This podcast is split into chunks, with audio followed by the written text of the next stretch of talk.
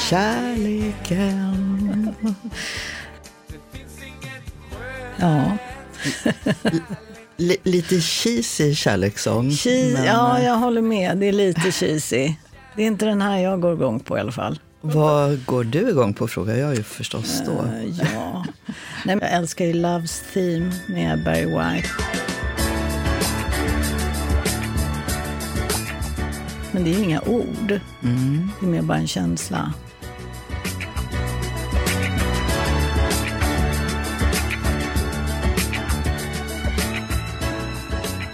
Men det är ju svårt med kärlek. Alltså det är ju att uttrycka det i musik eller konst. Man balanserar ju hela tiden på plattfall eller liksom bara rakt in. Jag måste säga, of, oftast är det ju låten och något som hände. Ja, Och jag har, jag har här jättestarkt minne, jättefånigt minne, men det har liksom hängt med hela tiden.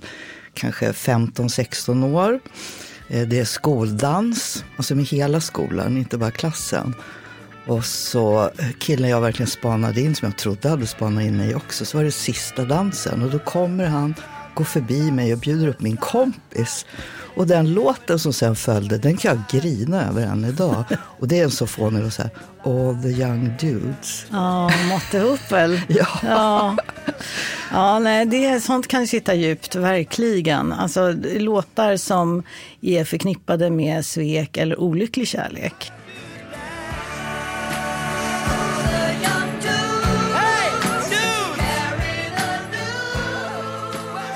Och för att göra historien ännu mer absurd, det är att det här berättade jag någon gång i något program och då plötsligt hör den här killen av sig. och visar sig att han är polis. Och så, men inte visste jag att du blev så ledsen. Ska vi ta en kaffe? Alltså det var ju 30 år senare. Eh, nej.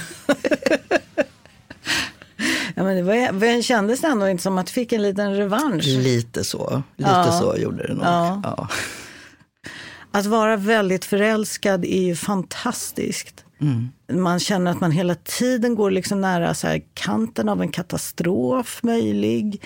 Ehm, den här besattheten som li- på något sätt tar över och som gör att så mycket annat hamnar i skymundan.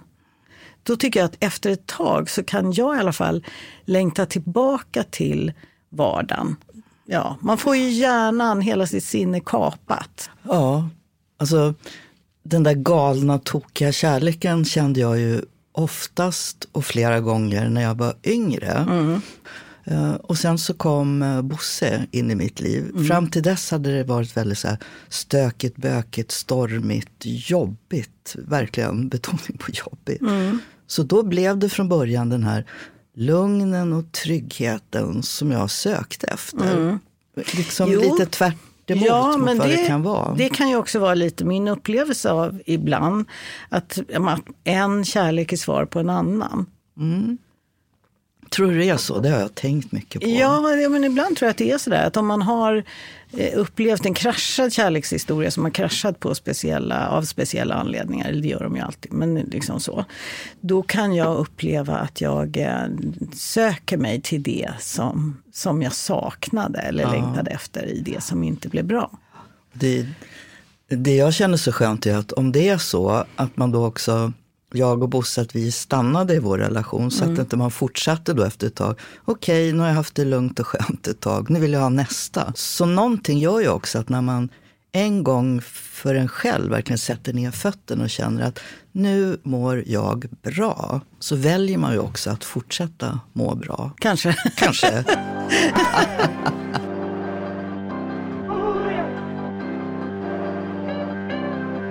tänker på hur jag har ändrat min syn på vi- vilken kärlek som verkligen betyder någonting för mig. För kärlek kan ju dels vara den här jakten på, på det sensuella, den där kroppsliga längtan där man bara, åh jag vill inte vara borta, jag vill tillbaka in i det där. Men sen så växer ju någonting annat in i en också, att vilja leva med någon annan. eh, bara känna den här fantastiska lyckan och kärleken i att vara. Och inte vara rädd för att det varandet nog kommer att pågå. Eh, så, så jag vet inte vilket av det är kärlek egentligen. Jag, jag viger ju människor Ja. och har gjort det ganska många år. Och jag har ofta funderat på det när jag ser de här människorna som ska gifta sig. En kille och en tjej eller två killar eller två tjejer. En del har varit tillsammans i 40 år. En del är precis nyförälskade. Och det som ofta slår mig när, när de tittar på varandra så är det någonting med att jag känner tillhörighet till dig. Alltså att få känna tillhörighet till en annan människa. Det där har bottnat någonstans i mig. Att, för det är inte alla som får lov att göra det. Man kan vara kär, man kan vara galen, men det där känna tillhörighet. Så, så om jag måste beskriva kärlek för mig så ligger det någonstans där. Lyckan över att ha funnit tillhörighet. Inte inskränkthet eller fångad utan en frivillig, frihetlig tillhörighet. Det är nog kärlek för mig. Mm, det är bra. Jag tänker nog i liknande banor. Jag tänker att det är eh, att ha en sån där innersta kärna med någon. Eh, men så tänkte jag nog inte riktigt när jag var yngre. Jag tycker att det har tagit många år att komma dit. Och jag tror att jag har ända sedan jag var ganska ung föreställt mig att kärleken ska komma som en Han kom som en Befrielse. stormvind. Ja, befrielse och liksom att man ska bli, man ska, liksom, man, man ska komma upp, ut som någon annan. Eller någon bättre. Jag tror att när jag gifte mig första gången, då var jag ganska ung. Då kände jag så där, ja och sen nu ska jag bli vuxen och då ska man ju vara gift också. Och då är det väl bra, nu gifter jag mig. Alltså, jättekonstigt att jag hade så bråttom. Men det hade jag. Och eh, det var ju, det kommer jag ihåg, jag kommer ihåg fortfarande sådär som att jag kommer ihåg att jag, jag, jag kan skämmas lite när jag tänker på det. Men jag kände att det här, det här, den här Atlantångaren går inte att vända.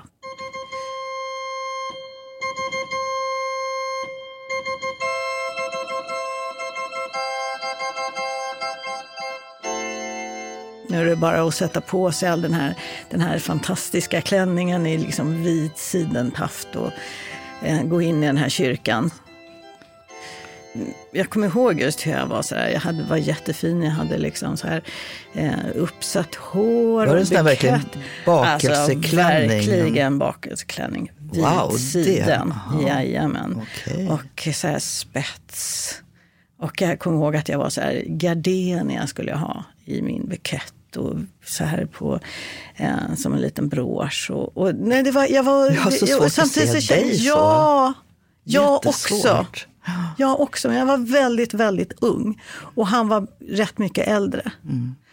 Och Men jag vet att jag samtidigt kände när jag gick upp för den här altargången i kyrkan, och det var, här var ju verkligen ett traditionellt jättestort bröllop. Att jag fick en sån här panik bara och kände, "Ah, men man kan alltid skilja sig, man kan alltid.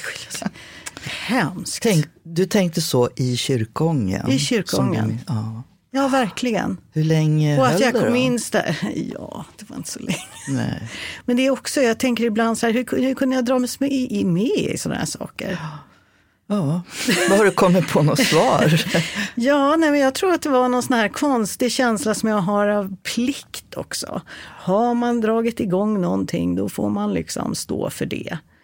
Eh, och att jag, jag kunde, det, det- är väl också det där att jag, har, att jag har varit en sån person där jag känner att jag har inte riktigt eh, mandat i mig själv att säga nej.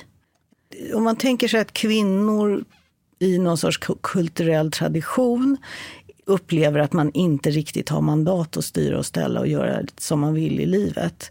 Då håller man ju på att pyssla mycket med scenografi och kostym och rekvisita för att man hoppas på något sätt att saker och ting ska uppstå. Man har inte andra, eller det här kanske gällde för mig speciellt. Jag hade inte riktigt andra medel i, min, i, liksom i mig själv att göra det på annat sätt. Så att jag trodde på något sätt att okej, en lång sidenklänning och gardenia i buketten, det skulle hjälpa på något sätt kanske då, att något skulle infinna sig. Och det här såg ju bra ut. Alltså jag tänker bild och kostym stämmer så.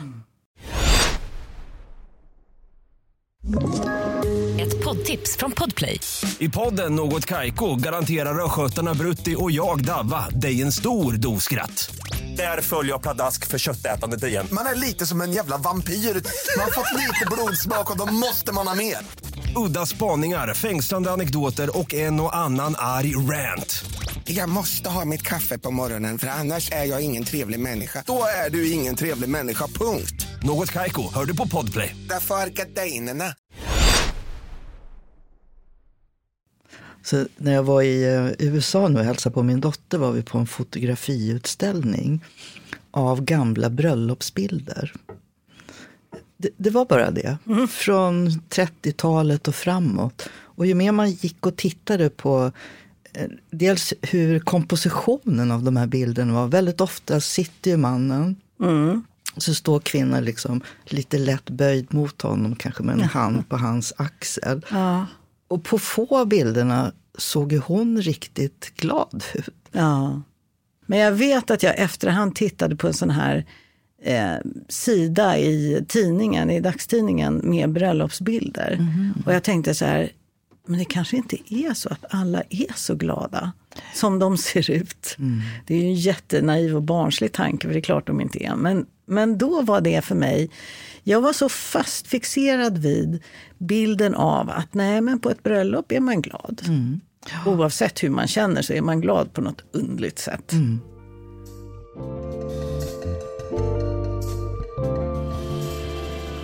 Alltså min, när jag gifte mig sen andra gången med min äldsta sons pappa, då hade jag en väldigt fin, då hade jag köpt en vit dräkt från Kenzo som var så här eh, snäv kjol och så hade jag vita skor. Och så hade jag någon sån här, det var någon liten topp till.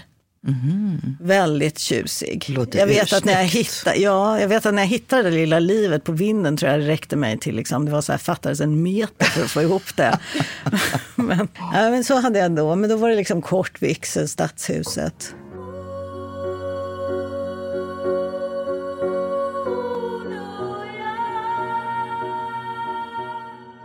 Och så tredje gången jag gifte mig, då var det i Washington minns jag. Och eh, då hade jag nog, det var, det var mer så här, alla barn, vi hade fyra barn gemensamt. Och, eh, men det var mer en sån här klänning som jag hade köpt hemma och inte vit och inte så. Liksom. En fin klänning. En fin klänning var det. Mm.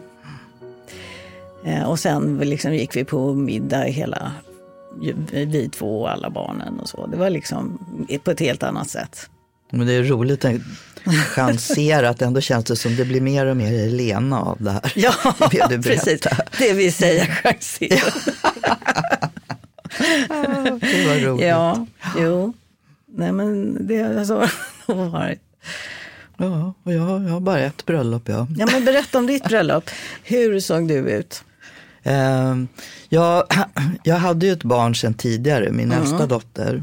Så hon var ju tärnan då, vi var i Nacka kyrka. Hon var, var hon då, fyra år. Eh, och jag hade hyrt en klänning. För jag tänkte jag kommer bara gifta mig en gång. Så tänkte jag. Så jag hyr en. Men den var ju i spets. Fast det var ingen sån här fluffig kjol, den var rak. rak liksom. Och så hade jag förstås röda rosor i håret. Och Bosse hade frack med liten röd ros på kanten. Och så hade det varit eh, svensexan alldeles för nära inpå. För han hade, som man gör på svensexa, druckit lite mycket och hade till slut dunkat huvudet rätt i bordet när han somnade. Så han hade ett blåmärke i ansiktet som vi fick sminka över. Så. Men det var, det var underbart helt enkelt. Sen eh, var jag gravid. Un, när, under vigseln så att säga? Eller jag menar, Ja, det, du det visste jag gifte inte sig. då. Men... Ja, du visste inte det när ni gifte er. Men, nej. mm. Så vår första gemensamma barn kom åtta månader senare. Mm. Och då satt jag i riksdagen, vilket jag inte hade en aning om då heller. Nej. Så, men eh, det var ett sånt där skönt, underbar bara känsla av att nu är jag hemma. Det, är liksom, det är det jag känner hela tiden när jag tänker tillbaka på de steg vi tog. Och våra barn som vi har fått tillsammans, vi har ju förlorat ett barn. Det är så många saker som har gjort att det är, liksom, det, det är vi två. Och jag ser inget annat. Jag tror inte jag har sett något annat när jag tittar tillbaka heller. Oh. Men bröllopsfotot däremot ser lika töntigt ut för där sitter han på en stol och så är Ann-Sofie på ena sidan och så står jag lite vackert lutad mot honom på andra sidan. Så också vi köpte ju den där mallen. Så skulle det vara. Den kändes det. Hade, men hur hade du fantiserat kring bröllop tidigare? Var det någonting som du hade som en sån här tanke att du skulle gifta dig en dag och då skulle du... Alltså, hade, tog det plats överhuvudtaget i Nej. din fantasi? Det här är ju tio frågor på en gång. Ja, nej, det gjorde ju inte det. Alltså, det är så många, alltså jag är född 57. Eh, Så jag är- vad blir det, två år äldre än dig. Eh, Och jag minns när jag gick ur gymnasiet, bara som ett exempel. Då hade kanske halva klassen hade vita mössor. Det var inte så inne då som det var nu. Men jag hade en röd eh, sosse-keps på mig. Det stod SSU. Därför att liksom alla sådana där, eh, det var borgerligt och, och gifta sig. Nej, jag såg inte det framför mig överhuvudtaget. Att jag skulle gifta mig. Det var någonting där med att ha haft det stormigt, eh, har ett barn som till slut en morgon sa tänk mamma, jag har både en pappa och en Bosse. Alltså de verkligen kände okej, det finns en trygghet i det här som, som jag vill ha. Så att det växte in i mitt sinne att gifta sig. Det, det var fint, det var något jag ville. Men jag hade ju inte den där drömmen när jag var yngre. Jag var Nej. ordförande för Sveriges första Barbieklubb. Ja, Barbie. Det, det var Barbie, den första. wow. Mm. När jag var barn och fick en Barbie, då var, fick jag välja en klänning. Och eh, då valde jag ju förstås bröllopsklänningen. Alltså min Barbie, hon var första kvinnan på månen. Hon var första presidenten i USA. Så den där drömmen om bröllopet har inte funnits av olika skäl. Nej, nej. Men det kommer ändå bli. Jag tänker ofta på om det är viktigt med giftermål. Och jag som då åker runt och viger människor hela tiden. Jag svarar ibland nej. Men varför vill du vika människor då? Nej, men jag bara menar att det är ju att hitta en annan människa. Att, att vilja leva med en annan människa, känna tryggheten i en annan människa. Men själva vigseln är ju inte det som vare sig jag eller jag tror så många andra strävar efter. Utan det är i så fall som en punkt, ett utropstecken för det man har upptäckt i en annan människa. Men är, det inte en sorts bekräftelse på att man har valt? Absolut, men det, det behöver ju inte vara genom ett äktenskap. Det är bara det Nej. jag menar. Det kan ju Ja. också vara, jag vet människor som har ja, gjort en ceremoni själva, sätter på sig ringar själva.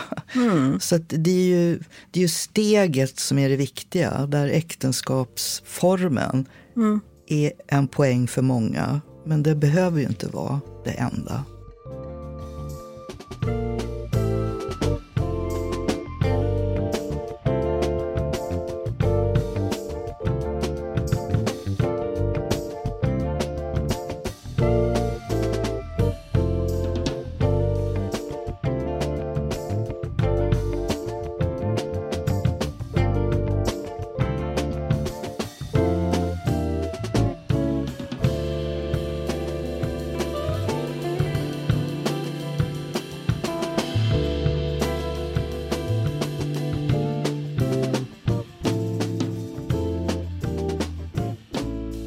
Om det tidigare var så där att äktenskapet ska vara bra, liksom pålitligt och tryggt och liksom man hade en helt annan bild av ett lyckat äktenskap. Så kan jag tycka att idag, det är bra det här som är idag, att man pratar mer känslor, man pratar mer om ämnen som var fullständigt tabubelagda för kanske 30 år sedan. Men det finns ju i den här pratet om känslor och relationer. Alltså relationer har ju kommit upp som någonting, som ett jättestort och viktigt ämne. Vilket det är. Men ibland tror jag att det finns, det medför en viss typ av krav. Att man ska vara så lycklig i sin relation hela tiden. Och jag vet att det var någon som sa till mig eh, om just sådär sociala medier att apropå sociala medier, att det har blivit en sån skrytfaktor idag. Om det tidigare var en skrytfaktor kunde vara en Porsche eller en väska från Louis Vuitton. eller, Hallonröd. Ja, hallonröd. Nej, men att, att, att det var tidigare. Tidigare fanns det viss andra skrytfaktorer, men att den viktigaste skrytfaktorn idag, det är att man har lyckade relationer. Och de här lyckade relationerna manifesterar man om och om och om igen på sociala medier. Alltså bildmängden på här sitter vi i solen på midsommarafton, hela vår härliga brokiga familj och alla är glada. Alltså mängden av den sortens berättelser, vi översköljs av dem. Och alla får på något sätt pressen på sig att det här ska vi leva upp till.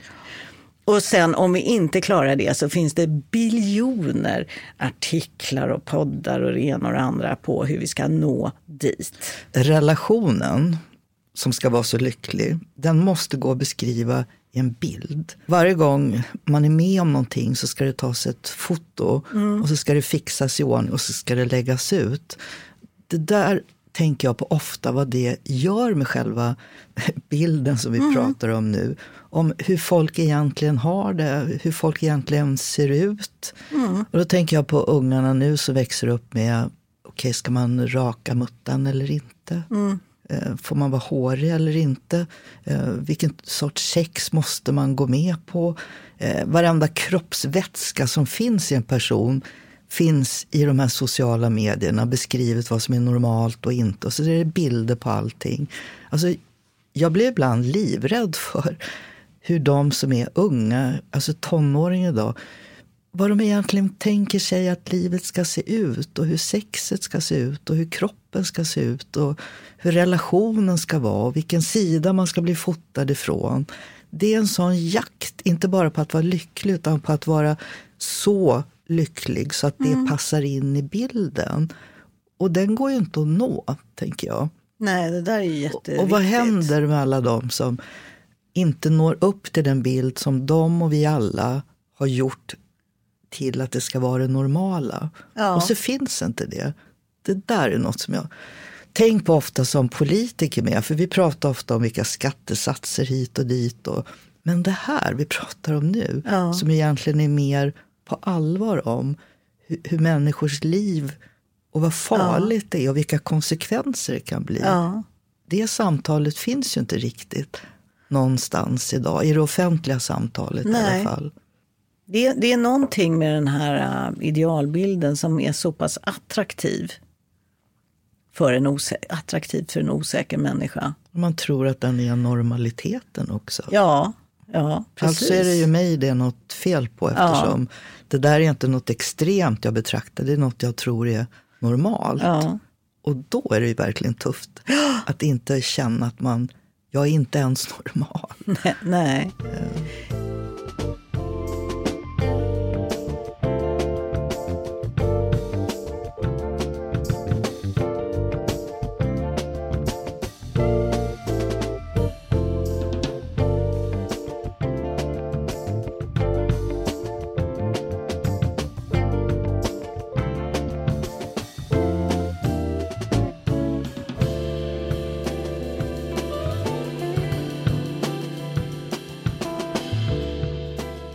Då som är uppväxt i en icke här, traditionell familjesituation eh, utan som skilsmässobarn. Jag har alltid tänkt så här, jag har aldrig förstått det där med att leva i en kärnfamilj, vad det innebär. Men vad tänk, och jag har alltid tänkt att det har ställt till det för mig senare i livet på något sätt. Men vad tänker du, med, som då är uppväxt i en väldigt solid kärnfamilj. Hur har det påverkat dig i ditt eget relationsskapande? Alltså jag har känt alltid en väldig, när jag tänker ordet familj så tänker jag en väldig trygghet. Stökigt, rörigt, busigt, roligt men alltid väldigt tryggt. Och det är klart, det hänger ihop väldigt mycket med att mamma och pappa, Hasse, Siv, de fanns där. Och det var liksom inte ens en tanke i bakhuvudet på någon av oss barn att det inte skulle vara båda de två. Det var en sån självklarhet. Men däremot har ju deras sätt att uppfostra oss också gjort oss väldigt självständiga. Så jag vet inte vad det sen har gjort med min syn på, på min egen familj sen. För att jag bröt ju upp väldigt tidigt med min första stora kärlek. Men sen när jag träffade Bosse, vi gifte oss 82.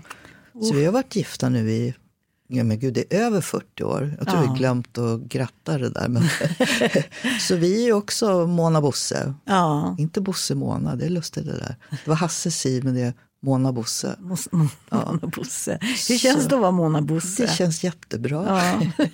Så det har ju också blivit en självklarhet Mm. på något vis. Som jag vet också att våra ungar känner.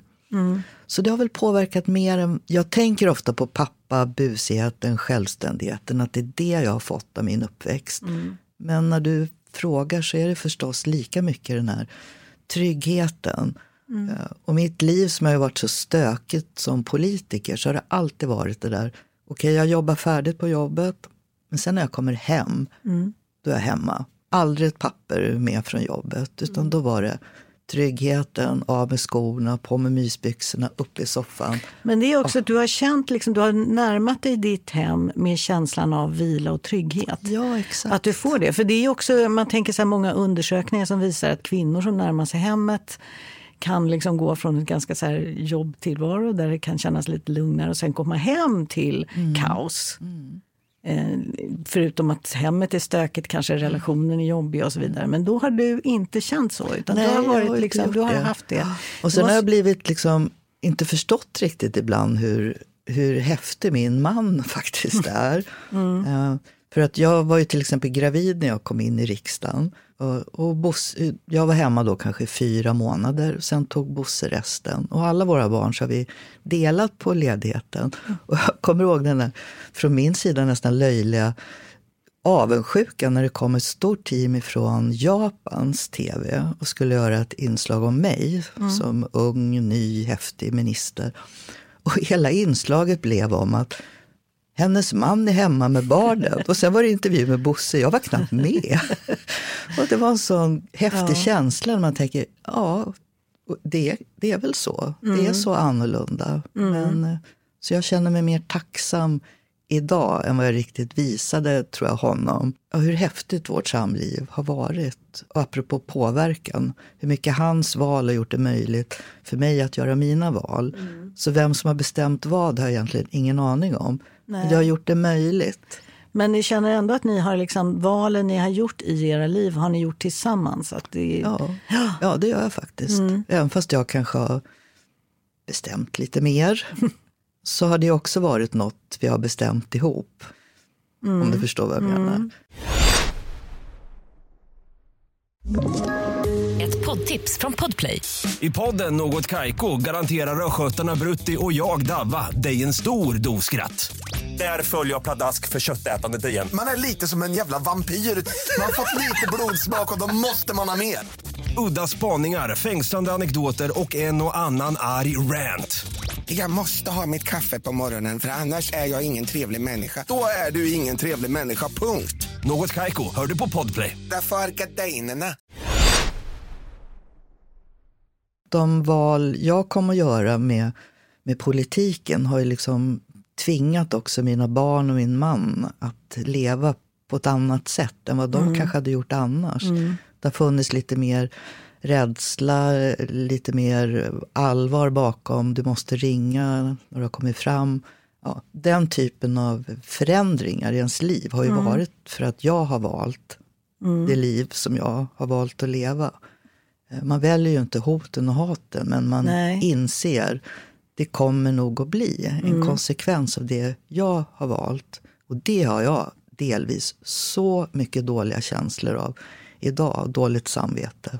Gentemot din familj? Ja, Ja. det är framförallt en av mina döttrar till exempel, för när vi bodde i ett radhus hon hade fönstret i sitt sovrum ut mot gatan. Liksom. Och det var en natt där det kom en person som stod och bankade och skrek och ristade hakkors på dörren. Det var, det var verkligen dramatiskt. Och, och Jenny hade sitt fönster öppet då. Och hon kan än idag inte ha fönstret öppet när hon ska sova. Och det förstod inte jag förrän bara för några år sedan. Hur djup den känslan, den händelsen som jag hade orsakat. Hur mycket hon bar med sig det. Så, Jag vill bara så här, på ett sätt lite så här protestera när du säger som jag har orsakat. Ja. För det var ju faktiskt inte du som stod där och bankade. nej, Nej. nej, men jag kan... Jag vet det, men ibland är ju inte Mm, Nej, jag känslorna så rationella. Nej, och speciellt inte i relation till ens barn. För Nej. att man liksom tar ansvar Ja. för helheten Nej, och precis. situationen. Och, Så, ja. ja. Jag tror du, du har förstått hur mycket liksom, eh, min familj när jag växte upp och mamma och pappa och syskonen, hur, hur mycket det har betytt och fortfarande betyder. Mm. Och då kan inte jag låta bli att tänka på, på din uppväxt med, med skilsmässan och en frånvarande pappa. Hur, hur har det påverkat dig? Både på gott och på ont, om, om du förstår jag vad tror jag att det har påverkat mig oerhört mycket, vilket jag kan tycka känns när jag pratar om det nu så är det lite pinsamt. För man känner så här, herregud, det var ju så länge sedan och hur kan sådana där saker sitta i? Och det är liksom... Eh, jag tror att när mina föräldrar skildes var det också den tiden, man pratade inte med barn. Men hur gammal var du Jag när de tre. skildes? Du var tre. Ja. och då, då, var det, då var det min pappa, min, vi bodde i Malmö, min mamma flyttade hem eh, till Stockholm. Och eh, då var det sådana tider att man skulle inte prata med barn. Det gjorde de bara upprörda och ledsna. Jag tror att det, är en sån där tidig förlust. Dels så kan jag känna så här, i senare i mina egna familjer, egenskapade, egenskapade familjer, att jag har haft lite sådär, jag vet inte hur man gör när man är en familj. Så kan jag känna, faktiskt. Jag har liksom inte växt upp med någon bild av så här, mamma, pappa, eh, vardag. Jag har inte förstått det. Jag har inte riktigt förstått vad det är. Men jag tror att jag har upplevt mig eh, ganska tafatt. Eh, och eh, att jag också haft tillitsproblem. Jag, jag förstår inte riktigt varför någon skulle liksom vilja ha mig dag efter dag. På något sätt. Men hänger det ihop med att, att du upplevde inte bara att ni flyttade till Stockholm utan att pappan försvann? Jag tror att det hängde ihop. Att han mycket. gjorde ett annat val än dig? Ja, säkert. Att det var, att, och att jag höll en eh, väldigt länge i mitt liv en enormt romantiserad bild av min pappa. Min pappa var ju liksom fantastisk. Var, ju- han var ju liksom det mest fantastiska som överhuvudtaget fanns. Och jag träffade honom väldigt få tillfällen på ett år. Eh, och, och han var väldigt bra på att vara fantastisk. Alltså han var väldigt så varm och rolig och nu hittar vi på det här. Och han berättade massa historier och han kunde liksom sitta en hel middag och återberätta en Sherlock Holmes-roman eller någonting sånt där, eller Dickens. Och han var så mycket fantastisk. Han stod för så mycket fantastiskt hos mig. Sen fanns det ju en annan sida som jag fick ta itu med så småningom. Att den där, det där var ju naturligtvis en bubbla. Att det fanns en annan liksom, pappa som var en vardaglig människa. Och som också var väldigt mycket mer rädd av sig och ängslig och rädd för närhet och eh, besvärlig på olika sätt. Att, Men, men tänk, du, du idylliserade, Mm. säger man så, idylliserade, eh, din pappa som Mm. var frånvarande men blev i ditt inre, jag som älskade min närvarande pappa, men båda såg vi inte våra mammor. Nej, precis. Nej, men så var det verkligen. älskade våra pappor. Ja, nej, exakt. Min pappa, precis som frånvarande personer har ju en tendens att ta väldigt mycket plats. Ja. Och så var det verkligen en- i min barndom och i mitt liv att eh, han tog väldigt mycket plats. Och det där tror jag att min mamma, eller det vet jag att hon upplevde som djupt orättfärdigt att, att det var så. Att jag, och jag tror att jag tidigt identifierade mig med min pappa, med den släkten. Kunde du någonsin prata med din mamma om det efteråt? Det var, väldigt, det var väldigt, väldigt svårt för oss att prata om. För att hon blev väldigt snabb. Hon ville ju alltid punktera allting som hade med min pappa att göra. Ah, okej. Och jag som då hade de här ganska få stunderna av total lycka. Det var ju liksom på något sätt viktigt för mig att få behålla dem ändå, Mm. upplevde jag. Det där lilla som man fick. Liksom. Ja. Det ville inte jag att hon skulle ta ifrån mig, men det ville hon ju väldigt gärna göra. Att hon kunde vara lite sådär att Ja, nej men, eh, ja, jag kommer ihåg, han lämnade alltid tillbaka er en, en dag tidigare än vad han skulle. Eller de där presenterna fick jag köpa. Alltså sådana där. Usch, liksom, ont så här. det gör in att höra ja, det. Nej, men det var, så att jag kände att jag alltid var väldigt sådär ville inte gå in i prat om min pappa med min mamma. För Jag att, förstår det där du säger också om att inte ta konflikter. Mm. Därför att du har hela tiden som barn också fått balansera Ja, dina balansera, föräldrars ja. konflikter. Precis, jo väldigt mycket så. Plus att konflikter i mitt huvud tror jag när jag växte upp kunde få sådana katastrofala konsekvenser. Som att din pappa försvann. Exakt, att man kunde bli övergiven allt det här. Så att allting, alltså konflikter har, tror jag, i min kropp väldigt tidigt varit så blink, blink, blink, livsfara. Och just den här konflikträdslan, eh, den har ju styrt mig väldigt mycket. Och det, att, att liksom vara en konflikträdd människa i relationer, det gör ju att man eh, är lättstött på ett sätt. För att man är så nervös. Och sen å andra sidan så kan man liksom svälja väldigt mycket mer än vad man skulle. För att man, man har liksom ingen riktig, eller jag har i alla fall känt att jag har ingen rimlig uppfattning om vad man ska ta eller inte ta. Vad man ska stå ut med eller inte stå ut med. Jag har liksom inte haft någon bra mått på det. Det gick ju så väldigt, gled ju så väldigt lätt in i den traditionella flick och kvinnorollen. Så att om man kände att man växte upp som ett sånt barn så hade man ju liksom en hel kultur som en stor famn. Att det var liksom, ja, så är det. Det är helt rätt, Helena. det- det så är- här ska det vara. Det, alltså, du ska vara, det finns till för andra. Du, du ska hålla undan massa fula saker hos dig själv. Du ska lyssna och vara omhändertagande. Liksom Man, man växte, jag växte upp, jag liksom kände att det var, det var... Jag var ju bejakad av en traditionell kvinnoroll på det sättet. Det, det är så intressant hur, menar, vi, vi växte upp i samma del av Sverige Mm. i, i samma tid. Och, och, och jag hade ingen aning om vad en snäll flicka var eller att man inte fick göra vad man ville. Nu har du att man träffat inte, en. Vad sa du? Och nu har du träffat Ja, nu har jag träffat. Nej, men jag bara menar, det kanske inte är, i första hand är tidsandan, utan väldigt mycket uppväxten. Ja, jag det tror- var det jag ja, far absolut, efter. För absolut. sen gjorde jag ju samma resa som du med Ja. att förstå feminismen och, Ja. och få andra svar. Nej, men för mig var ju eh, liksom det här med feminism och liksom läsa den typen av litteratur som jag började göra ganska tidigt. Det var ju livsomvälvande. Att det fanns vittnesmål från kvinnor som inte väntade, inte anpassade sig, som var obekväma. Det var ju för mig totalt omstörtande och livsavgörande. vilka kvinnor eller vilka böcker? Jag blir så nyfiken. Så, Jag kommer ihåg att jag läste mycket sådär, liksom när jag var ung vuxen, många av de här traditionella, så eller liksom Inger Alvén Ja. betydde jättemycket för mig. en annan kvinna, eller den andra kvinnan, vad Dotter till en dotter. Dotter till en dotter. Var livs, alltså den var så stor för mig. Mm.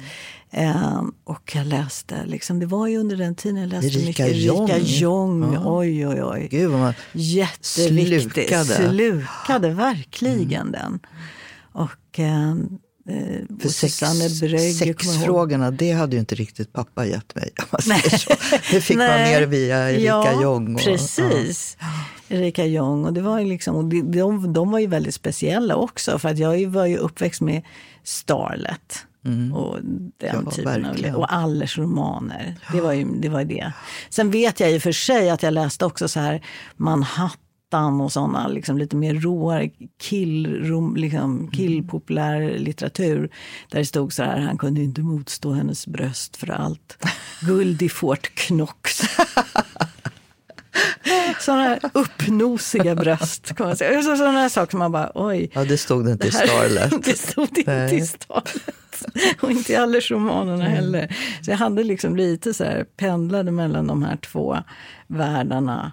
Men eh, Nej, men Stalet var ju väldigt mycket sexualitet. Sen kom Mitt livs novell, kommer du ihåg den? Ja, det kommer jag ihåg. För ja. den var lite li- vågad. Då blev det lite mer snusk. Lite hur? mer snusk. Vi var ju ganska svältfödda på snusk. Ja, ja eller hur? verkligen. Ja, verkligen. För att mitt livs novell, man tänker så här, vad var det som var snuskigt? Det stod någonting om att de typ låg med varandra och man bara, oj, va? Jag kommer ihåg hur, hur man, eh, det var jättesvårt. Jag försökte gå och köpa, eh, vad hette de, FIB Aktuellt eller Lektyr. Och så skämdes man ju som ett djur. Så man skulle säga, ja, så var det, ja, var det med? Ja, men just det, pappa ville ha. Som om Det sa jag aldrig till honom. Köpte man en lektyr.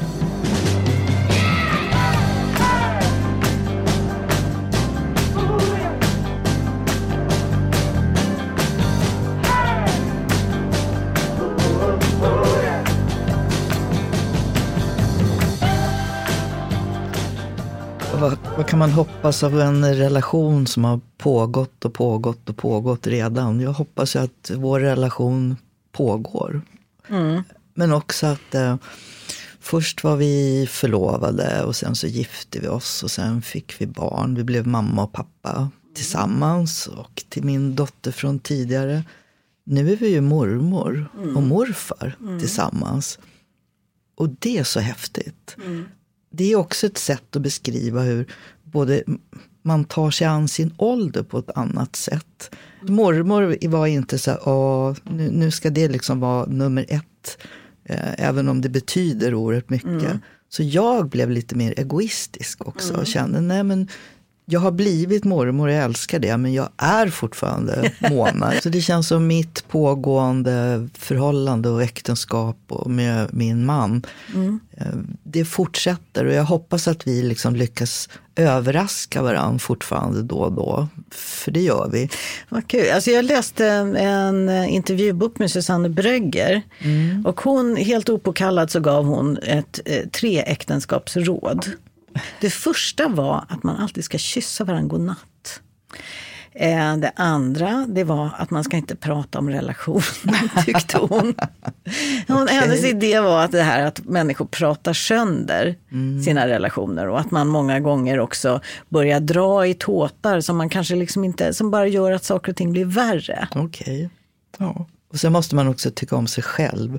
Jag hade en period Mycket med en djup depression. Jag verkligen tyckte så illa om mig själv. Verkligen. Och då är det väldigt svårt att hålla, hålla ett förhållande på en rimlig nivå. Absolut, det är Så man måste verkligen. tycka om sig själv. Ja, Det är också ett bra råd tycker jag. mycket bra. Lättare sagt än gjort. Så det var bra sagt det där av Susanne Brögger. Ja, vi säger hej då. Ja, och hej då till dig Helena. Ja, och hej, hej då Mona. ser fram emot nästa samtal Det vi gör jag också. Hej då. Hej.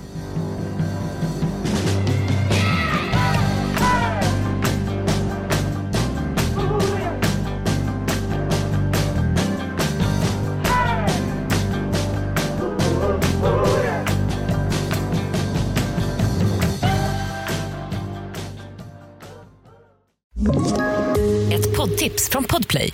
I podden Något Kaiko garanterar östgötarna Brutti och jag, Davva, dig en stor dos skratt. Där följer jag pladask för köttätandet igen. Man är lite som en jävla vampyr. Man har fått lite blodsmak och då måste man ha mer. Udda spaningar, fängslande anekdoter och en och annan arg rant. Jag måste ha mitt kaffe på morgonen för annars är jag ingen trevlig människa. Då är du ingen trevlig människa, punkt. Något Kaiko, hör du på Podplay. Därför är gardinerna.